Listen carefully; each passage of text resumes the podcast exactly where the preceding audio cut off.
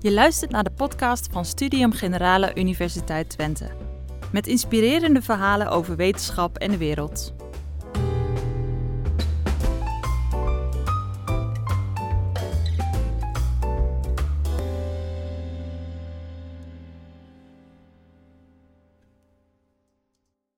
Welkom, welkom bij Energietransitie in Twente. Dit programma wordt georganiseerd door uh, Kivi Students, Kivi Oost en Studium Generale van de Universiteit Twente. Klimaat is een hot issue, bijna letterlijk zou je zeggen. Het speelt in de verkiezingen waar we nu middenin zitten een hele grote rol. U hoort heel veel politici met allemaal prachtige woorden over uh, CO2-reductie, hoe we de planeet weer koeler kunnen krijgen en zo. Maar dat zijn mooie beloftes, dat is prachtig. Maar hoe pak je dat nou in praktijk eigenlijk aan? En het leuke van vanavond is, we gaan over de regionale energietransitie praten, is eigenlijk een heel concreet project. De regio Twente die, uh, moet in 2030 50% van de CO2 gereduceerd zien ten opzichte van 1990. Dus een enorme klus is dat samen met 29 andere regio's uh, in Nederland. En daar zitten ongelooflijk veel technische, praktische, juridische, politieke, bestuurlijke haken en ogen aan. En die um, haken en ogen, ik weet niet of we ze allemaal kunnen behandelen, die gaan we vanavond bespreken. We hebben een heel mooi panel uh, samengesteld. Ik stel ze graag even aan u voor. Links van mij zit André Doré, professor André Doré. Welkom André. Dankjewel. André uh, heeft een leerstoel op de Universiteit Twente, genaamd Construction Industry Dynamics. Ja. En hij is lid van, uh, MT-lid van het 4TU uh, eh, Gebouwde Omgeving programma. Ja. Dus dat is ook wel even vermeldenswaard. Rechts van mij zit uh, professor Jos Keurentjes. Jos is directeur Energy Innovation aan de Universiteit Twente. Met als focus of specialisme energietransities. Dus dat komt heel goed van pas vanavond, Jos. Heel blij dat je er bent. En je bent een van de voorzitters van de Transitieagenda Circulaire Economie. Dat is ook belangrijk om even te melden. Ja. Dan hebben we virtueel aanwezig uh, Thijs de Bree. Thijs, jij kunt ons goed horen en zien, hè? Mooi. Thijs de Bree is uh, gedeputeerde bij de provincie Overijssel. Uh, met als portefeuille energie, milieu en arbeidsmarkt. En hij is een van de karttrekkers van de energietransitie in Twente. Dus ook, we zijn ook heel blij dat jij vanavond uh, hier aan boord bent en met ons hierover wil praten. Um, we gaan zo meteen uitgebreid met jullie in discussie. Er komen ook vragen uit het publiek. Maar eerst beginnen we zo meteen met een korte pitch van jullie, ieder vijf minuten. En dan vertellen jullie wat jullie betrokkenheid is bij de energietransitie. Als publiek kunt u vragen stellen via onze chat op de YouTube-pagina, die heeft u vast al wel gevonden. Uh, de vragen worden geïnventariseerd door Vera Glas en Albert Simons. Zij zijn beide van uh, Kivi Students. En door Roy Veldhof, hij is van Kivi Oost. Goed, wat mij betreft uh, zijn we er helemaal klaar voor. We gaan beginnen. Jos, mag ik jou vragen het spits af te bijten? Ja, dat doe ik heel graag. En wat ik eigenlijk voordat we met elkaar het, het, het, regionale aspect induiken, zou ik eigenlijk heel graag eventjes iets uitzoomen en een soort van outside-in perspectief uh, willen schetsen. En dat is dat we op dit moment niet alleen in een energietransitie zitten, maar we hebben een aantal grote systeemtransities waar we eigenlijk tegelijkertijd in zitten. En dan gaat het over gezondheid, het gaat over mobiliteit, het gaat over circulariteit, het gaat over digitalisering. En uh, wat wel zo is dat als we het energie-issue opgelost krijgen, dan gaat ons dat wel enorm helpen in een aantal andere zaken. als energie ruimschoots en duurzaam beschikbaar is, dan is eigenlijk voedselproductie, waterproductie, dat soort zaken zijn eigenlijk ineens heel gemakkelijk geworden om dat ook op een economische manier te realiseren. Nou, wat we ons moeten realiseren ook is dat als we naar de energiebehoeften in de toekomst, of eigenlijk nu en ook in de toekomst kijken, dan verdeelt dat zich eigenlijk over een drietal terreinen gebouwde omgeving. André is daar absoluut de, de grote expert. Mobiliteit uh, en industrie. En die porties zijn ongeveer één op één op één.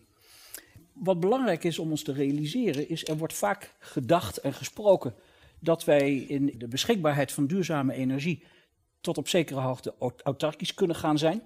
Nou, er liggen op dit moment de nodige rapporten, zowel in Nederland als in Duitsland, als in het Verenigd Koninkrijk en ook op andere plekken.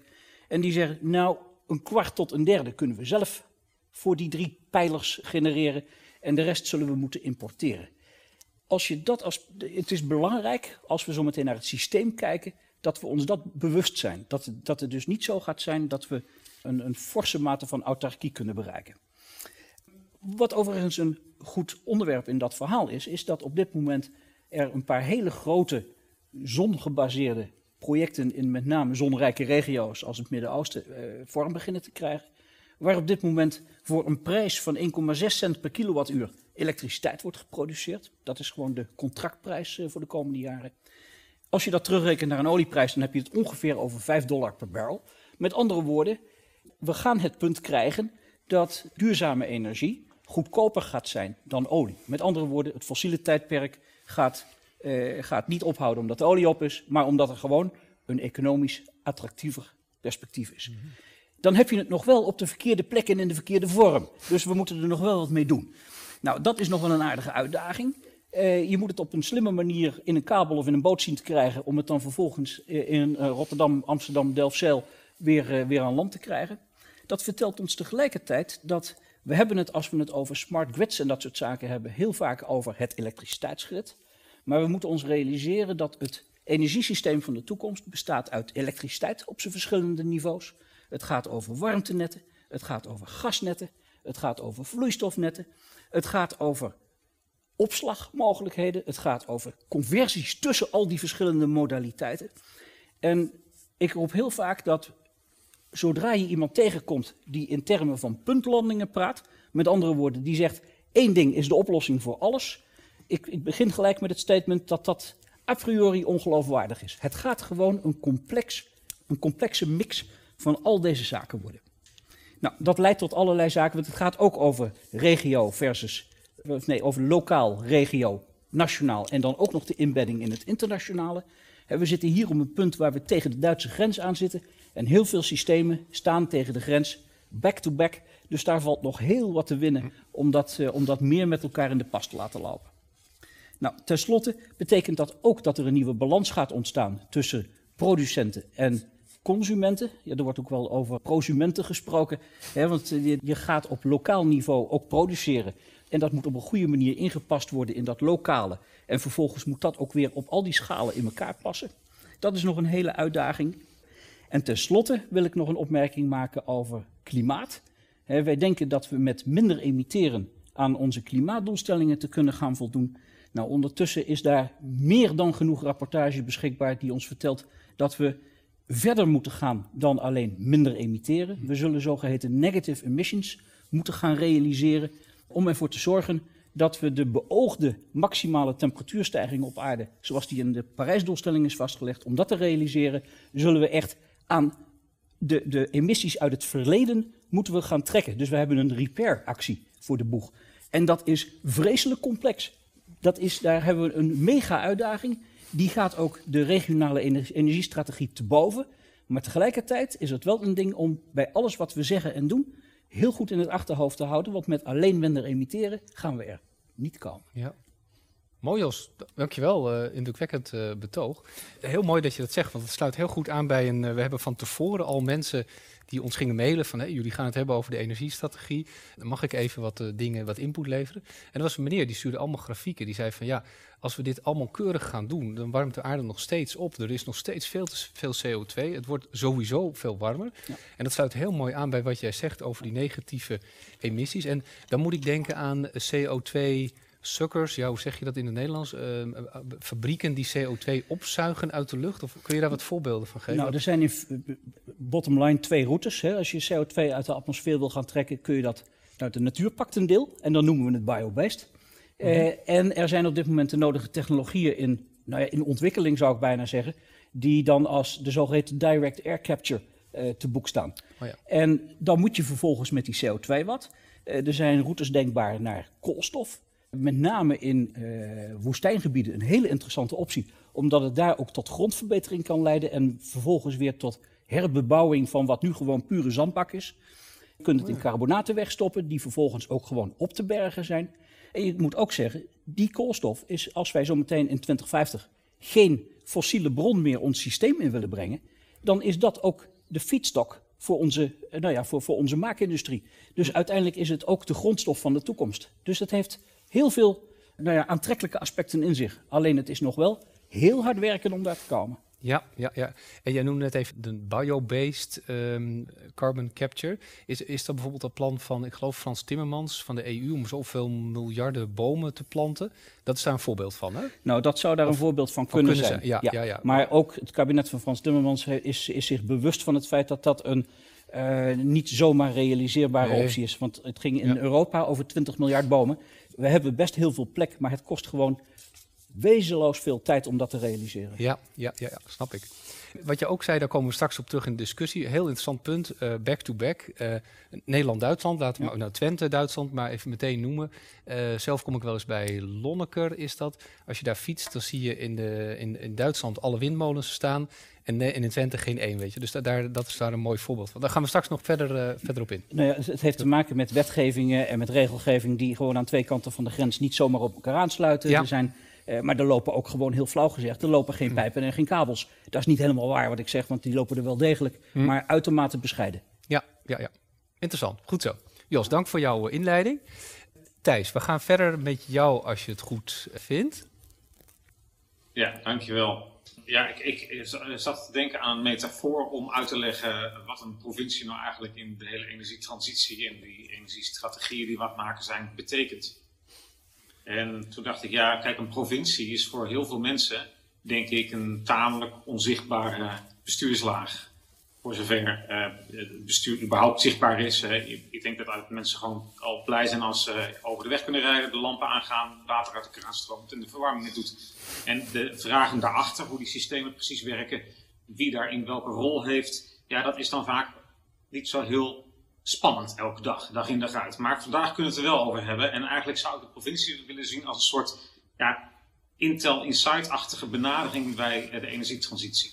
Um, voor diegenen die uh, het niet kennen, ik kom uit nog uit de periode dat uh, als er een stickertje met Intel Insight op je computer stond, je in ieder geval wist dat de binnenkant van het apparaat, dat daar een, een, goed, een goede processor onder de motorkap lag. En uh, feitelijk is dat ook een beetje de houding die wij als provincie hebben. Je kunt als overheid een transitie niet in je eentje. Daar heb je onderwijsinstellingen nodig, kennisinstellingen voor nodig, universiteiten, hogescholen, ROC's. Je hebt ondernemers ervoor nodig om uiteindelijk de zaken te realiseren. De aannemerij, eh, die in de gebouwde omgeving aan de slag gaat, die de kabels en leidingen legt. Uh, je hebt de installatiebranche nodig, je hebt innovatie nodig. Uh, nou, kortom, het is een uh, gezamenlijke aanpak, een joint effort die we leveren met elkaar. Nou, als ik dan kijk naar de provincie, dan proberen wij dat te ondersteunen op allerlei verschillende mogelijkheden. Daarbij uh, is denk ik bijvoorbeeld een gemeente voor veel mensen het eerste aanspreekpunt als zij een bouwvergunning nodig hebben of een omgevingsvergunning nodig hebben om een huis te verduurzamen of iets anders te doen. Of als er iemand aan de deur komt met, goh, wij gaan een uh, collectieve inkoopactie voor energiebesparende maatregelen doen, dan zijn dat vaak energieloketten op gemeentelijk niveau. Maar wat doet een provincie nou daar eigenlijk? Nou, bijvoorbeeld in de gebouwde omgeving werken wij aan het bundelen van de verschillende vragen. Uh, probeer nou niet elk huis voor, je, voor zich een oplossing te bedenken, maar probeer het aan te pakken in wat grotere schaalvolumes. Wij richten ons daarbij dus op die gebouwde omgeving als een van de voorbeelden. Een ander voorbeeld, uh, dat kwam net eventjes heel mooi in het uh, verhaal van Jos Keurtjes naar voren. Het gaat ook over energiesystemen en over de dynamiek die er op het energienet is. afgelopen weekend, ik weet niet of er misschien nog iemand op fiets is gestapt afgelopen weekend. het waarde flink. Eh, het waarde zo flink uh, dat uh, de energieprijs van wind onder nul daalde. Zo goedkoop was windenergie op dat moment. Maar ja, hoe krijg je dat nou op de goede plek en wanneer? Provincie Overijssel werkte bijvoorbeeld aan energiegebieden om vraag en aanbod, dus opwek en verbruik van energie bij elkaar te krijgen. En inderdaad, daarbij zijn de batterijsystemen nodig, daarbij is waterstof nodig, daarbij zijn brandstofcellen nodig. Uh, want die ene oplossing, en daar sluit ik van harte bij aan bij de vorige spreker, want Jos die zei dat als geen ander, uh, is dat ene oplossing, die is er niet. Wij komen uit een systeem, gasgebaseerd, aardgasgebaseerd, een luxe van, van je welste.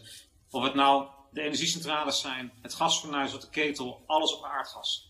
En we gaan naar een model waarin dat niet meer één monolithische oplossing is. Dat is een oplossing die bestaat uit verschillende elementen. En daarbij is de wind, de zon, biomassa, uh, gascentrales tot een beperkt deel, kernenergie. Uh, de hele, het hele palet zullen we nodig hebben om een goede energievoorziening uh, te kunnen realiseren op lange termijn. Nou, als, als Overijssel werken wij dus aan het dan smart energy hubs of ja, uh, slimme energieknooppunten.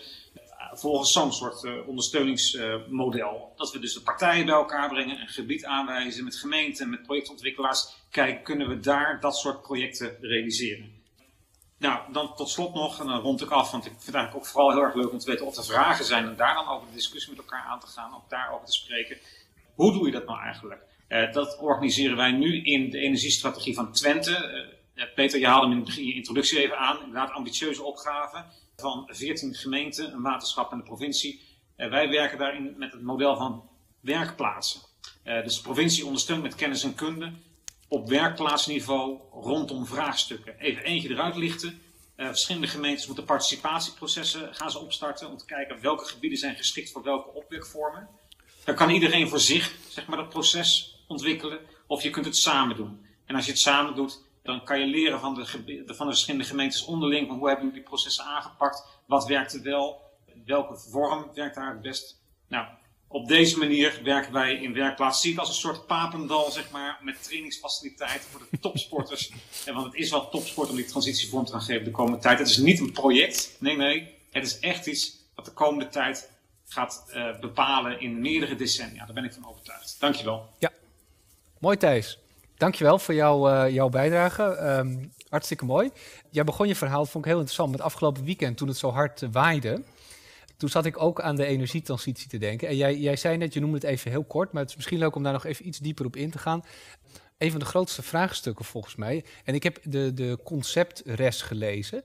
Jullie ongetwijfeld ook. Ik, ik, er stond heel weinig in over opslag van energie. Want precies wat jij zegt, het waait keihard of de zon schijnt heel hard. Dan heb je ongelooflijk veel stroom die, die bijna een negatieve prijs krijgt. Ja, waar, dat wil je natuurlijk opslaan voor als het een keer windstil is of er is weinig zon. Je kunt dat in batterijen doen, maar wat moet ik me bij batterijen voorstellen? Worden dat hele grote loodsen letterlijk vol met batterijen? Is dat dan milieuvriendelijk? Of, en, die, en die waterstof. Eerst even de batterijen. Uh, weet jij daar veel over, ja, Thijs? Of nou, Jos? ja, want ik denk dat, dat, dat de mensen aan, eh, zeg maar, even aan de andere kant van mijn scherm, ik krijg met name Jos even aan, daar een heel mooi antwoord op kan, kan dichten. Ja. Maar ik wil wel even ingaan op die vraag, want die krijgen we wel vaker. Waarom zit iets er niet in? Waarom zit in een energiestrategie geen kernenergie? Waarom zit er geen opslag, zoals jij nu vraagt, of waterstof in uh, de energiestrategie van Twente? Nou, dat komt omdat de energiestrategie Twente gericht is op het vraagstuk waar krijgen wij opwek, duurzame opwek. Dat is het primaire. Daarnaast gaat het ook over warmte. Uh, dat laten we nu even voor het gemak buiten beschouwen. Uh, iedereen die aan warmtenetten werkt, die weet dat ik er een groot voorliefde heb voor warmtenetten. Alleen opwek uh, met zon en wind, dat is even het primaire focus van de energietransitie op dit moment. Waar het gaat over de regionale energiestrategie. Dat is zeker niet iets wat we vergeten, maar het zit nu even niet in het werkpakket waar wij nu aan werken. Ja, helder, helder Thijs. Toch nog even de batterijen. Jos, kun jij iets vertellen over... Daar wordt wel onderzoek naar gedaan, neem ik aan. Jazeker. En er is heel veel aandacht als het gaat over toepassing van batterijen in uh, enerzijds mobiliteitstoepassingen en anderzijds in allerlei gadgets. Maar er is veel minder aandacht in zijn algemeenheid voor de zogeheten stationary toepassingen. Dat begint nu wel te komen en daar kan ik ook zeggen dat in gesprekken zoals we die bijvoorbeeld met VDL en met een aantal andere partijen hier in de regio ook wel hebben, uh, wordt met name dat stationary aspect begint nu ook wel een beetje in beeld te komen. En het, het goede daarvan is dat, dat je ook de mogelijkheid biedt om naar heel, een heel ander soort batterijsystemen toe te gaan dan, uh, dan, dan wat je typisch voor, voor mobiliteit gebruikt. Dat geeft je de gelegenheid om nieuwe materialen toe te passen, omdat die om omstandigheden vragen die je in een auto of in je laptop niet kunt handelen, maar die in een stationary, eh, in een meer industriële omgeving, als je het zo wil mhm. noemen, mhm. prima te doen zijn. En dan kom je ook ineens, want kijkend naar de klassieke materialen in batterijen, daar zitten nogal wat geopolitieke aspecten ook omheen. Dan kun je ineens naar een veel eenvoudiger systeem toe, wat wel eens zou kunnen maken dat waar batterijen in de huidige setting ondenkbaar zijn voor, voor dit soort grootschalige opslag, dat we straks in een nieuw uh, soort, soort setting komen waar dat wel degelijk het geval is. Overigens geloof ik persoonlijk dat de conversie van die overtollige elektriciteit naar met name vloeistofcomponenten als opslag, daar geloof ik zelf eerlijk gezegd het meest in. Want een vaatje methanol of een vaatje DME mhm. of net wat, eh, kun je gemakkelijk ergens neerzetten. Zelfs op de schaal van een huishouden of eh, of, of, of het, op het niveau van één windmolen. Eh, daar zie je nu ook wel wat voorbeelden komen dat dat soort dingen gebeuren. Mhm. Dus ik denk dat dat eerder de batterijen van de toekomst voor dit soort situaties gaan zijn Ja, dan ja, ja. batterijbatterijen, om het maar zo te zeggen. Nee, vind ik leuk dat je dat zegt, want ik denk nog aan batterijbatterij. Ik zie me dan een hele grote hal met allemaal Duracelletjes voor me, maar dat, dat wordt het natuurlijk helemaal niet. Maar dit is een heel mooie, mooie uitleg. Weet je, de waterstof parkeren we nog even. Dat daar gaan we straks apart, want dat is een heel mooi, eh, mooi thema ook, apart nog even op in. Ehm, André, ik wil eerst even met jou verder. Dan hebben we jullie inleidingen gehad en dan gaan we meer, meer discussiëren over alle, ook alle vragen die binnenkomen via Vera. André, mag ik jou het woord geven? Eh, Dank, dankjewel, Peter. Eh, Veel is, me, is er natuurlijk ook al gezegd. Eh, Jos zei, we gaan even uitzoomen. Ik wil ook even uitzoomen. Mhm. Zoals gezegd, werk vooral in het veld van de openbare ruimte, of eigenlijk de gebouwde omgeving. We hebben een, een vakgroep civiele techniek. De, waarom is dat belangrijk? Je zou zeggen, de energietransitie, de grids die Jos noemde, die moeten worden aangelegd. Als we niet voldoende besparen, gaat de waterstand omhoog, dan moeten we het land droog houden. En je ziet inmiddels 1 miljoen huizen in Nederland hebben funderingsproblemen door de verdroging. Dus veel van die, eh, van die problemen die wij de komende jaren gaan tegenkomen in de gebouwde omgeving, die hebben toch met die klimaatverandering te maken. En je ziet dat in heel veel van de ontwikkelingen die daar moeten plaatsvinden, de energietransitie voor oploopt. Nou wordt daar wel heel veel over gesproken. Hè? Dus je zegt, nou, komt er niet dat soort batterijen en komt er niet dat soort opslag. En dat is eigenlijk een spiegeling van allerlei soorten technologieën. En de verleiding is erg groot om even na te denken over wat er dan komt. En dan tegelijkertijd wacht iedereen op iedereen. En in, in termen van uitzoomen, we hebben in Nederland 8,5 miljoen gebouwen die moeten worden ja, gerenoveerd, energietechnisch gezien, en opnieuw worden aangesloten. Naar de schaal van Twente gebracht. Eh, moeten er de komende jaren, als we komend jaar zouden beginnen, ongeveer 10.000 woningen per jaar worden verduurzaamd. Er is een programma op, op nationale schaal, dat heet het programma Aardgasvrije Wijken. Dat is het idee, we gaan per wijk van het gas af. En er zijn ook verschillende proefwijken in Nederland. In Twente zijn eh, tussen de 450 en 500 wijken. Nou, stel, hè, als je dat de 475, doet er 25 jaar over.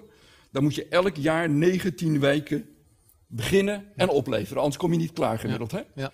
Stel, je doet vijf jaar over zo'n wijk. En dat vinden de meeste mensen nog een redelijk beperkte inschatting. Hè? Dan kom je op 5 keer 19. Is, dan zijn we dus de komende 25 à 30 jaar in 95 wijken tegelijkertijd bezig. De, dus de, de opgave, en ik, ik weet niet of hier mensen zijn die op dit moment proberen een huis te kopen of een huis te bouwen. Of mensen die een huis bouwen en een aansluiting zoeken. Hè. Dus de, tegenwoordig worden huizen niet opgeleverd omdat het energiebedrijf ze niet kan aansluiten. Dus er is al grote moeite om de huidige grids in stand te houden. De, voor wat er nog komen gaat, wordt het gewoon ja, heel belangrijk dat we mensen gaan opleiden. Dat we de leer- en innovatiecurves gaan versnellen. En dat we gewoon op een aantal punten gaan beginnen. Want hoe langer we wachten, hoe, hoe groter in, eh, in feite de berg wordt die we moeten beklimmen. Nou, dus, ik, ik pleit vooral ook, ook veel aandacht voor de, ja, eigenlijk alle technologieën die we nodig hebben om het proces te vereenvoudigen, om die transitie te versnellen, de hinder te verminderen. Eh, want een van de grote hangijzers op dit moment zijn de kosten. We zeggen ja, 18.000 tot 40.000 wo- om een woning te eh, verduurzamen. Alhoewel afgelopen jaar de meeste woningen nog meer in waarde gestegen zijn overigens. Hè. De, dus die, die kosten die worden voor een groot deel ook door arbeid eh, gedragen. Dus we kunnen, de apparaten worden goedkoper naarmate we er meer van bouwen. Maar lonen gaan niet naar beneden. Dus de, wij moeten er zaken aan gaan doen om die productiviteit echt omhoog te krijgen. Want anders wordt het zeker niet goedkoop. Oké. Ja. Helder, dankjewel uh, André. Dat is een heel duidelijk, uh, duidelijk verhaal. Um, ik, eh, jij noemde van het gas af. Ik zag laatst uh, Nieuwsuur was dat volgens mij. Dat was wel een zorgelijke documentaire, hè? Heb je die ook gezien? De, de, met... de succes, het succes in de wijken die op dit moment van het gas af zouden moeten gaan, dat zijn de eerste trans, zijn dat uit mijn hoofd, dacht ik, zo'n 24. Ja. Ja, er waren nog niet zoveel woningen van het gas af. Overigens, in, in onze regio, Jos en ik zijn ook beide betrokken bij de systeemstudie van de RES. Mm -hmm. uh, en ik ook in de, de commissie of die groep die zich bezighoudt met de gebouwde uh, omgeving. In onze eigen regio hebben wij natuurlijk ook al veel woningen die aan warmtenetten hangen. Mhm. En dat moet de komende jaren uitbreiden, uiteraard. Hm. Maar dat, dat is nog wel een hele kluif, want de, het aanleg van de grids wordt niet zoveel nog meegenomen in alle kostenafwegingen. Mhm. En dat is dus ook in veel van die wijken een probleem. Hm. Daar, daar is dan, ja, krijg je warmtenet of wordt het all electric? Moet ik een warmtepomp nemen? Wacht ik op, het, Mhm. eh, ja, ja, op de wa- warmtestroom via, hè, Ja. via het warme water? Daar zitten dus allerlei waiting games in. Daar moeten we langzamerhand toch vaart in gaan maken. Mensen gaan opleiden om te zorgen Hm. dat we dat ook kunnen gaan realiseren. Ja, ja. En André, jij bent ook betrokken bij FIDET. Dat is een hele mooie afkorting. Die staat voor Field Lab Digitalisering Energietransitie Twente. Ja. Dat is een soort combinatie van ROC, Saxion, UT. Ja. Ehm, en jullie proberen een soort digitale omgeving te maken. Kan je daar iets meer over vertellen? Ja, en de- mensen op te leiden? In, in de, dus een van de wijken in onze regio die bij dat eerste programma hoort, van de programma Arbeidsvrije Wijk, is de Nijverheid in Hengelo. Mhm. En we hebben gezegd, ja kijk, wij weten nog niet welke soort eh, energie toegepast gaan worden, dus welke energiemixen. Eh, maar wij weten wel, het gaat over heel veel bewoners, het gaat over een woningbouwcorporatie, we hebben allerlei bedrijven die moeten het uitvoeren, het gaat om de gemeente. Allerlei partijen moeten in een samenspel Ja. langzamerhand die transitie gaan waarmaken. Dus transitie is voor mij een werkwoord. Mhm. En als je dat zou, eh, zou willen waarmaken, dan moeten ze allerlei informatie uitwisselen. Dan moeten ze ook een betrouwbare basis van informatie hebben. Nou, wij moeten dus ook langzamerhand beginnen daar een platform te bouwen, maar ook de mensen te leren hoe ze dat kunnen gebruiken. De mensen op te leiden om steeds meer digitale tools daarvoor in te zetten. Hm. Eh, en dat, ja, dat is eigenlijk een leerwerkomgeving die we dan in deze wijk doen, maar bij wijze van spreken ook willen doen in het Twekkelenveld. En elke werk, wijk die je, naar die je daarna aanpakt. Ja, Dat is ja. dat idee van die Field Labs. Oké, oké, oké. Ja, Vera, ik kom zo even bij jou voor de vraag, maar ik had zelf ook nog een vraag. Ik zag laatst een documentaire, ehm, dat ging over het vliegveld van Berlijn. Dat hebben jullie waarschijnlijk wel gezien. Ehm, prachtig vliegveld, maar dat was nogal een planning disaster geworden, om het maar even zo te zeggen. Ja. Ehm, hoe ja, het is een beetje een gemene vraag misschien, maar hoe voorkomen we nou eigenlijk dat deze hele energietransitie ook zo'n planning disaster gaat worden? Want dit lijkt me eigenlijk nog veel, veel ingewikkelder dan een vliegveld bouwen. Of zeg ik iets geks? Nou, ik, ik begin eigenlijk met, met te herhalen wat, eh, wat André net zei. We moeten wel beginnen. Maar dat is tegelijkertijd het duivels dilemma. Ja. Want je weet niet of je met de goede dingen begint. En ik denk dat de, het, het toverwoord in deze is de zogeheten no regrets. Ga die dingen doen waarvan je weet dat je in nagenoeg alle scenario's er nut van gaat hebben. Dan heb je de grootste kans dat daar, dat daar geen ongelukken gebeuren en dat je wel tempo maakt. Eh, Ja. want dat is natuurlijk toch, als je gaat zitten wachten tot we het allemaal weten, eh, dan, dan komen we er nooit. Eh, Maar wat, zijn, wat zijn die no regrets in dit geval? wat mij betreft is een, een, van de no regrets zit hem wat mij betreft toch wel in het, in het beter, stabieler maken van het elektriciteitsnet. Dat is er een, dat, dat moet sowieso gebeuren. Oh, ja. Ik heb persoonlijk bij warmtenetten een beetje een ambivalent gevoel. Aan de ene kant is het heel evident dat dat nuttig is, maar warmte is een restproduct. En als we er nu een restproduct van energieopwekking met fossiele bronnen of afvalverbranding, als we naar een circulaire economie gaan waar we weinig afval meer te verbranden hebben en we wekken energie op of elektriciteit op met windmolens en, en, en, en PV, eh, hebben we dan nog wel de warmtestromen die je in zo'n heel duur warmtenet moet, kunt gaan stoppen. Ik heb, ben opgeleid met eh, leidingssystemen kosten een miljoen per kilometer. Dus eh, binnen de kortste keren heb je daarvoor voor honderden miljoenen aan, aan pijpen in de grond Ja. liggen. Ja. En je wil wel zeker weten dat je over 30 jaar Ja. nog de voeding hebt om die pijpen te voeden. Ja, dus dat, dat is wat ik bedoel met no regrets. Ja. Dat Mag- moet je mag- eerst wel zeker weten. Nee, snap ik. Eh, Uitstekend.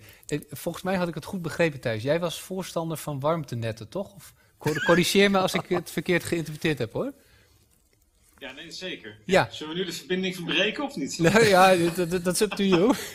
Maar vertel eens even, waarom nee, ben je... Nee, maar, wat, nee, maar wat, wat, wat Jos Keurisjes zegt is wel een interessant spanningsveld. Want dat klopt. We hebben inderdaad de, de wens om een circulaire economie te ontwikkelen. Hè, waarbij grondstoffen eeuwigdurend kunnen worden gerecycled. Tegelijkertijd is de realiteit dat wij nog, als je de prognose een beetje bekijkt, decennia lang bijvoorbeeld de afvalverwerker eh, van, eh, bij Twents, bij jullie vlak in de buurt, aan het draaien hebben. Eh, feit is ook dat een groot aantal producten, plastics, ook vezels, slechts een beperkt aantal keer zijn te recyclen. Daarna zijn de structuren dusdanig eh, aangetast dat je daar weinig meer mee kunt. Dus voor een deel van de afvalstromen zul je wel degelijk zeg maar, verbranding uiteindelijk als eindstadium hebben. Maar ik ben het heel mee eens, daar zit een spanningsveld op.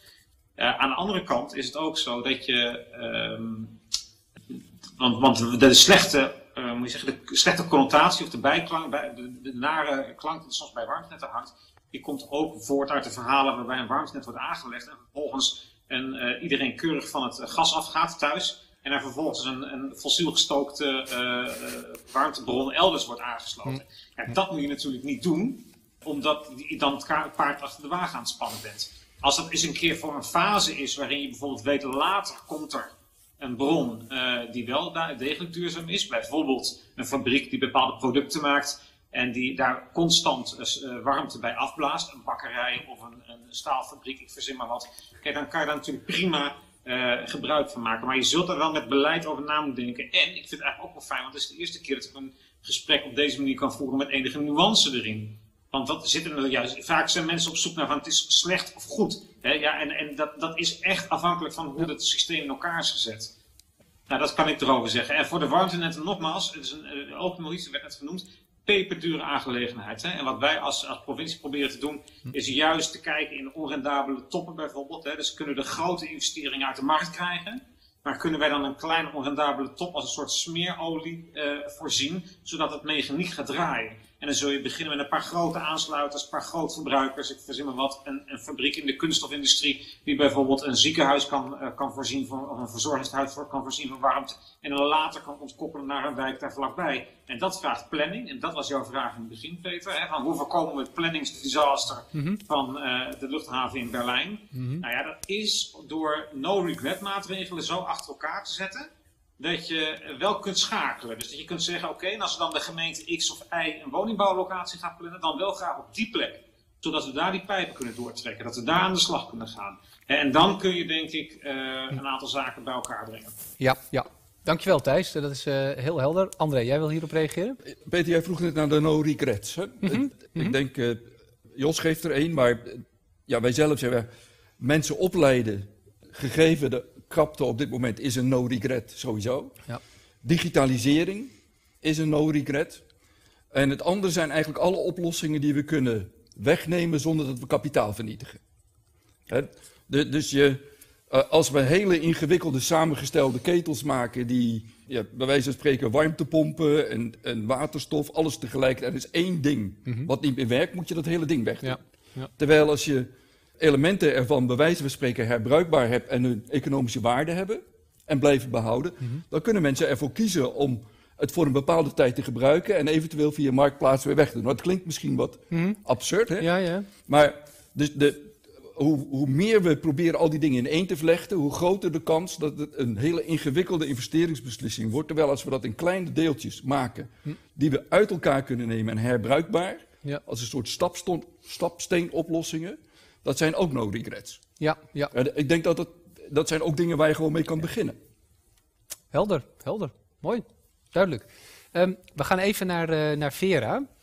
Vera, ja. zijn er vragen uit uh, het publiek al? Ja, zeker. De, de vragen stromen binnen, dus dat is uh, hartstikke fijn. Ga er ook uh, vooral mee door. Uh, we hebben misschien een leuk om mee te beginnen van Jan en Hilde Dortmans. En die vragen eigenlijk, zijn er op dit moment succesverhalen van energietransitie, um, ja, toepasbare dingen in de provincie van Overijssel of in de regio Twente?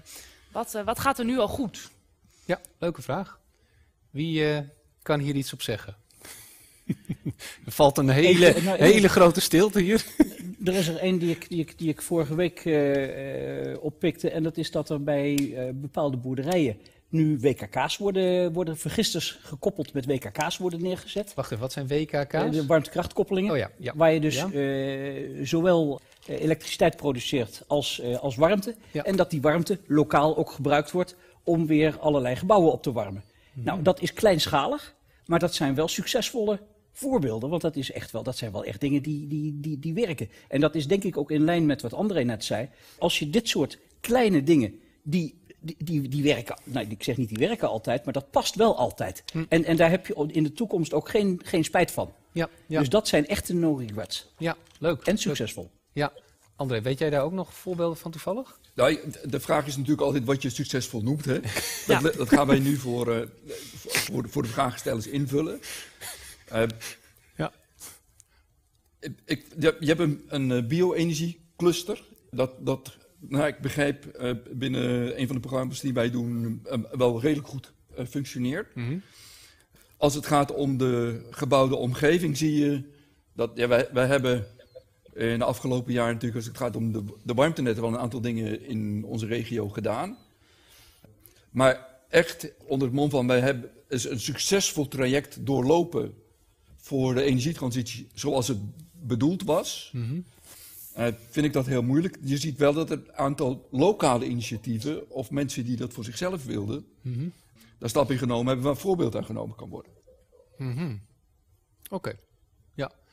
Thijs, ken jij nog best practices misschien? Jij kent de provincie natuurlijk heel goed. Wat, wat zou jij Ja, hier... ik heb er, ja, ik heb er wel twee zelfs. Ja, ja eh, ga je gang. eh, En ik, ik, ik kies ze even een beetje, ik kies ze vrij bewust, want ik heb er een paar, twee niet zo, zo voor de hand liggende genomen. Eén is een eh, coöperatie van een aantal eh, melkveehouders die biogas produceren in Deurningen. Ja, dus De dat is is, eh, eh, is ijskoud, is, die legt biogas. Nou, en dan, dat is ook namelijk een van de oplossingen voor de wat ingewikkelder wijken. Als we het hebben over de gebouwde omgeving en de energietransitie en warmtevoorziening, dan kan je denken aan eh, bioga- eh, biogas als duurzaam gas.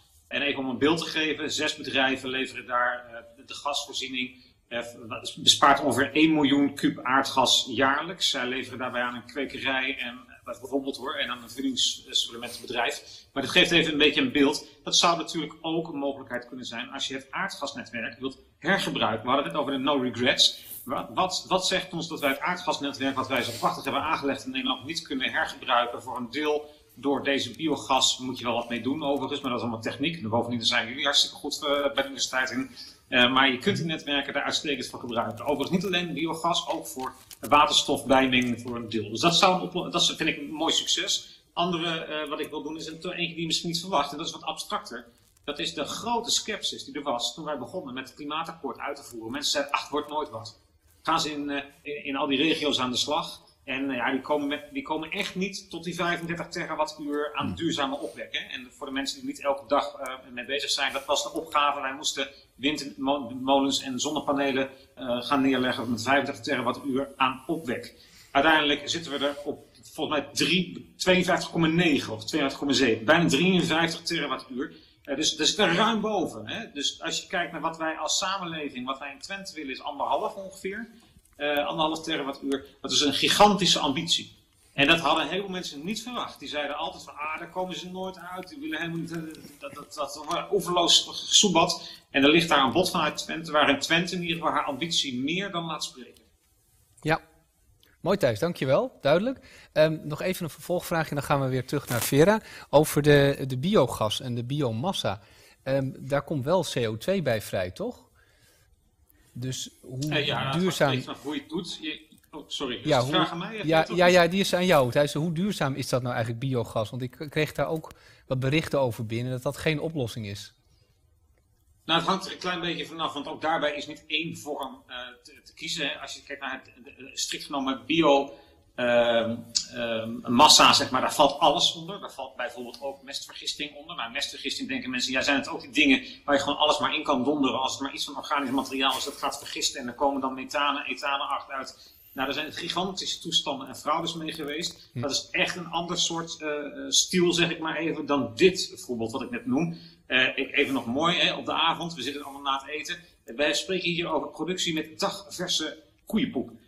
Je moet niet de koude kak nemen, nee, je moet dagverse poep hebben, want daaruit haal je de hoogste energetische elementen. Nee, het is geen grap, echt waar. Maar dat zijn wel nuances die je in dit dossier ook moet meenemen. Over de biomassa, en dat, dat is misschien een van de andere vragen die gaat komen, hebben we natuurlijk ook altijd het beeld van, ja, maar zijn het nou die gigantische vlaktes die aan het kappen zijn? En is dat niet heel in, eh, inefficiënt? Eh, ja, zeker, als je dat op die manier doet. Eh, en maar helemaal in het begin van de inleiding, ik meen dat Jos het vertelde, ging het even over eh, koolstof, CO2 en de koolstofschuld. Nou, daar kan je hele interessante discussies over voeren. Maar essentie is, wij moeten ons ook richten op CO2, waar jij net naar vraagt, Peter, dat komt inderdaad vrij CO2 vastleggen.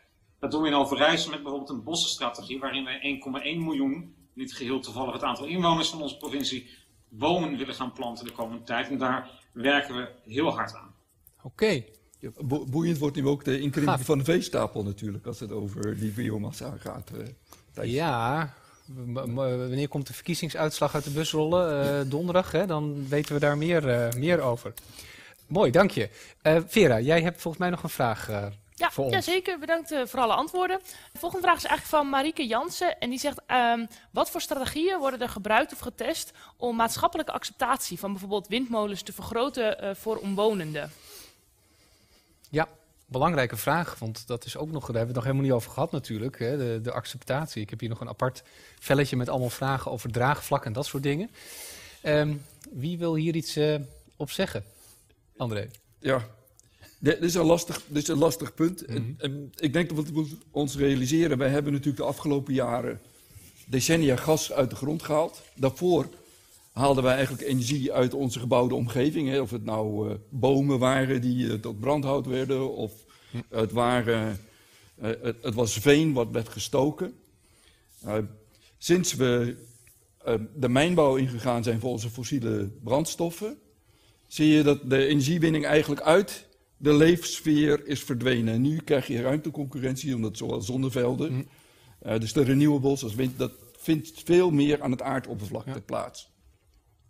En daar speelt inderdaad, wat, wat, wat je daar noemt, er worden allerlei dingen geëxperimenteerd door mensen deel te laten nemen in economisch. Hè? Uh, en dan die, dat, mm. ja, als dat harder draait, dan heb je misschien meer herrie, maar dan denk je ook, god, dat is goed voor mijn portemonnee. Ja.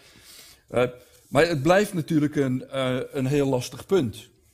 en je merkt ook dat daar strijd is tussen of zon of wind. Je hebt daar hele verschillende ideeën over. De een zegt, nou ja, visueel maakt het niet zoveel uit, maar de ander zegt, het is gewoon geluid. Mm -hmm. uh, ik, ik, denk dat het ja, voorlopig uh, nog een duwen en trekken wordt uh, om te kijken waar en hoe dat wordt ingepast. Ja, ja, ja. ja dit is het beroemde not in my backyard ja.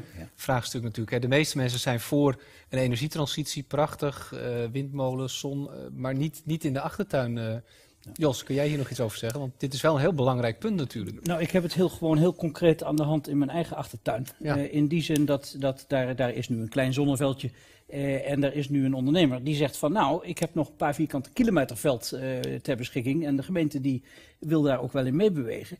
En vervolgens zie je dus dat er een hele bewonersbeweging op gang komt, ja. waar dat not in my backyard heel nadrukkelijk speelt. Ja. En de kaart die daar gespeeld wordt, is heel nadrukkelijk. Ja, maar we hebben nog zoveel onbelegd dak. Moeten we dat niet eerst doen? En ja. dan, dus mm-hmm. ook dat is een kwestie waarvan ik denk, ja, eh, dat argument hoe steekhoudend het technologisch is. Kijk, je kunt je voorstellen in een wei waar je gewoon rakketaketak naast elkaar al die panelen zet. Dat is natuurlijk investeringstechnisch het meest eenvoudige wat je kunt doen. Tegelijkertijd denk ik dat die bewoners wel degelijk een argument hebben uh, om te zeggen, nou, ga nou eerst op de eenvoudige manier uh, aan, aan de start. En dan zie je dat, ik denk dat dat uiteindelijk ook leidt tot een, uh, tot een vermindering van de weerstand. Mm. Als ik, wat ik de afgelopen jaren heb gezien, en dat is zeker als het gaat over de, de laten we zeggen, de esthetiek van, van, van zonnepanelen. Hè, het zijn nu gewoon zwarte, blauwe platen die, die, die, die op een rood dak worden gelegd, bij wijze van spreken. Mm -hmm. Ik heb de afgelopen jaren ontwikkelingen gezien waar je zonnepanelen in nou ja, met allerlei prints als gevelbekleding, als, als dakpannen. En ik denk dat als je langs die lijn gaat denken, die ontwikkeling die, die is gaande. En het duurt niet lang meer of we gaan, je bent dan, die esthetiek gaat zich helemaal in, in het huidige beeld vestigen. Ja. En ik denk dat, nou, met, met windmolens weet ik nog niet helemaal hoe dat moet gebeuren. Maar voor, in elk geval voor het zonnedeel kan ik dat heel goed voor me zien. Ja, ja, ja, ja dus ligt eigenlijk een hele mooie taak voor grafische ontwerpers, industrieel ontwerpers. Ja, hè? Absoluut. Nu is het gewoon kwak een paneel erop en klaar. Maar de, ja, daar is veel meer mee, uh, mee te ja. doen. En, dat je, ja. en, en dan is het veel gemakkelijker, denk ik, ook om de overtuiging bij bewoners en bij, bij, bij de burger te vinden om, om hierin mee te gaan. Ja, ja, ja. Thijs, heb jij hier nog gedachten zo? Want jij, jij hebt hier natuurlijk denk ik dagelijks mee te maken, toch? Met weerstanden. Vertel eens, wat zijn jouw ervaringen op dit vlak? Nou, um, allereerst dat als je de gesprekken daadwerkelijk aangaat met mensen hierover, dan krijg je hele zinnige vragen, hele terechte vragen. En dat zijn precies de vragen als, waarom liggen de daken niet vol? Hoe kan het dat er nog steeds een, eh, een hier, uh, dat, een, dat, dat er uh, kantoren of uh, distributiecentra worden gebouwd waar überhaupt nog niet uh, één dak uh, vol ligt. Ook de nieuwbouw niet. Hm. Um, hoe kan het dat mijn buurman dat eh, wel krijgt, maar ik in mijn huurwoning niet? Omdat ik niet de BTW-aftrek krijg bijvoorbeeld. Uh, de BTW-aftrek van een, bij, bij, als je een huur, huurwoning hebt, krijg je geen BTW-aftrek van de zonnepanelen. Even om een voorbeeld te geven. Waarom is dat? En dat zijn gewoon terechte punten. In Overijssel hanteren we het beleid dat wij een, uh, ja, een zonneladder hebben. Die zonneladder bestaat uit drie treden. Uh, de eerste is dat we zeggen wij willen stimuleren elke vorm van ja, slimme combinaties. Hè? Dus zon op dak, gebruik de restruimte, uh, de stukken die je niet nodig hebt, die niet op braak liggen. Uh, combineer het met bijvoorbeeld een, een, oude zandwindplas, waar, die heel diep is, waar geen ecologische uh, betekenis meer is. Maar midden op het plas kan je wel nog een paar hectare zonnepaneel neerleggen. En hou je de oevers overigens vrij. En het ziet er echt, ik vind het schitterend hoe het eruit ziet uiteindelijk. Um, help ondernemers ook met het aansluiten van zonnepanelen, omdat het niet een core business is. Als jij, noem maar even, de bakkerij hebt of een, een, bedrijf in automaterialen, een distributiebedrijf, ja, is niet je core business om je eigen dak te ontwikkelen. En het gaat wel over hele grote investeringen. Uh, voor uh, uh, zeg maar de vraagsteller, hè, Marieke, die, dus de vraag stelt, je ook kunnen. We hebben bijvoorbeeld zonnedakje.nl als website ontwikkeld, een tool waarin je echt op gebiedsniveau kunt zien waar is nog beschikbaar dak, dakoppervlakte waar geen zonnepanelen liggen. En, en zo helpen wij op allerlei manieren in dan wel kennisondersteuning, dus informatie te ontsluiten. Waar zijn nog kansen die onbenut zijn?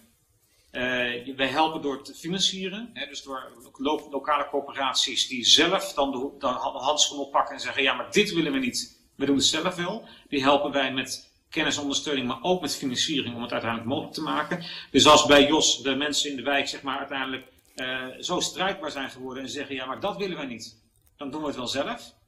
Dan kunnen ze ook bij de provincie Overijssel terecht voor ondersteuning. Hm. Ja, ja, ja.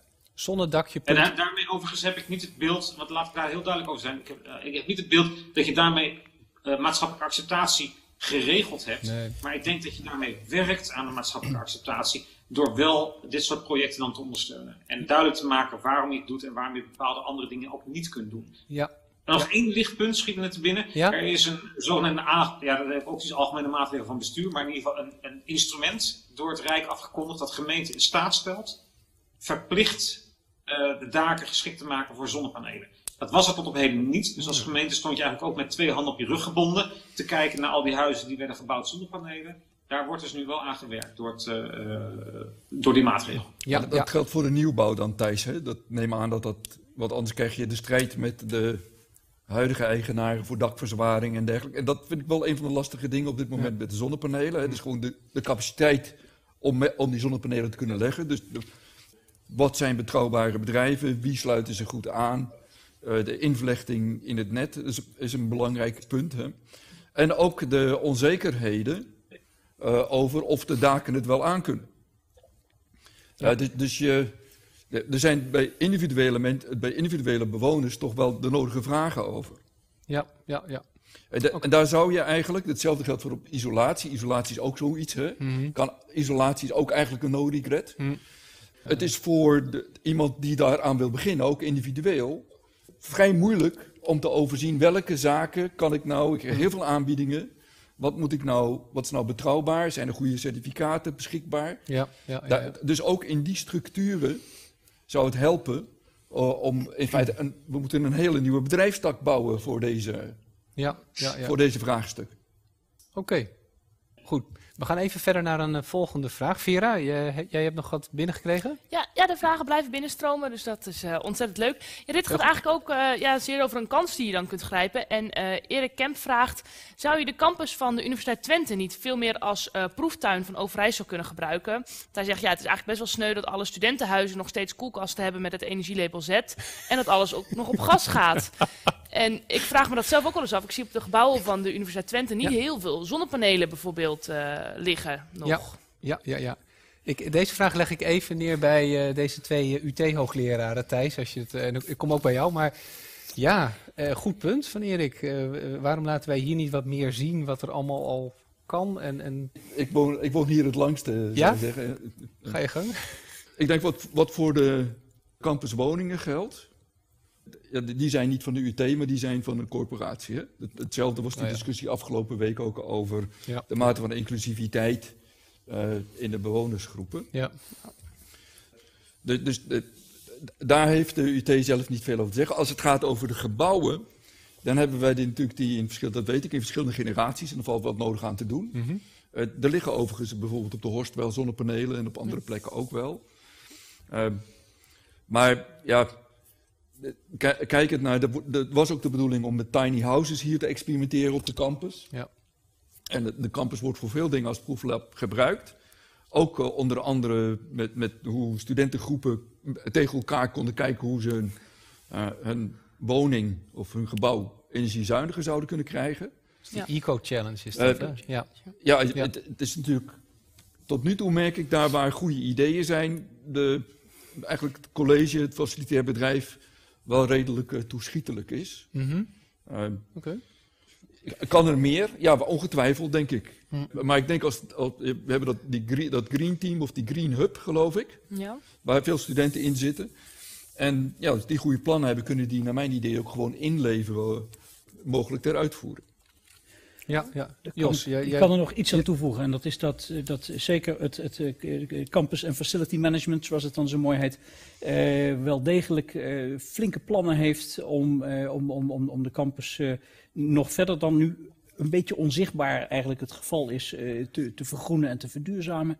Eh, die, dat, daar, die, die plannen die beginnen nu ook een beetje concrete vorm te krijgen. Ik ken ze nog niet in detail. Eh, maar ze worden nou juist komende week gepresenteerd. Dus dat is misschien wel een Mhm. beetje flauw om dat nu te zeggen, want het is altijd morgen.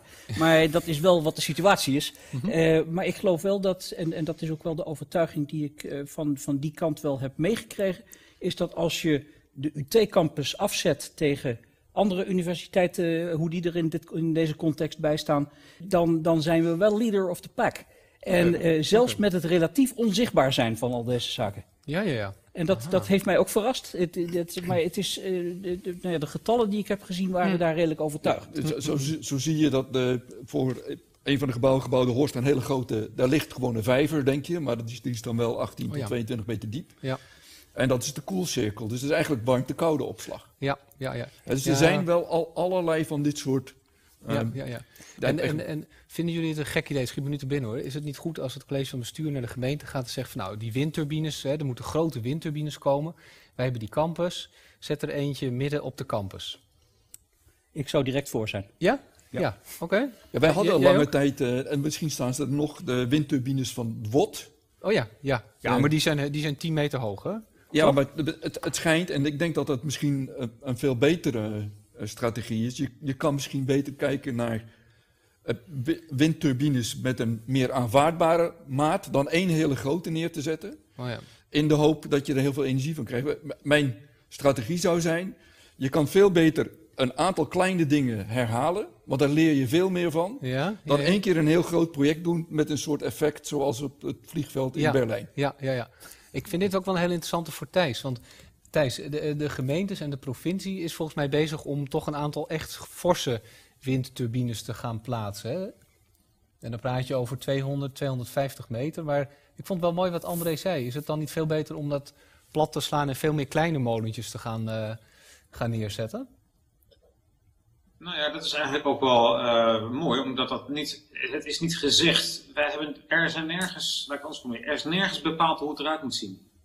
Er is uitsluitend bepaald met dat eh, het een wind, eh, eh, opwek met wind moet zijn. Ja. En daar is er wel een ondergrens gesteld. Hè? Dus we hebben wel gezegd, ja goed, als je hele kleine molentjes neerzet, dat wordt ook wel heel administratief wel heel bewerkelijk. Net zoals overigens hele kleine, als je 2, 3, 4, misschien 6 zonnepanelen op je dak legt, of een keer 10, ja, dan is dat hartstikke goed. Moet je zeker doen.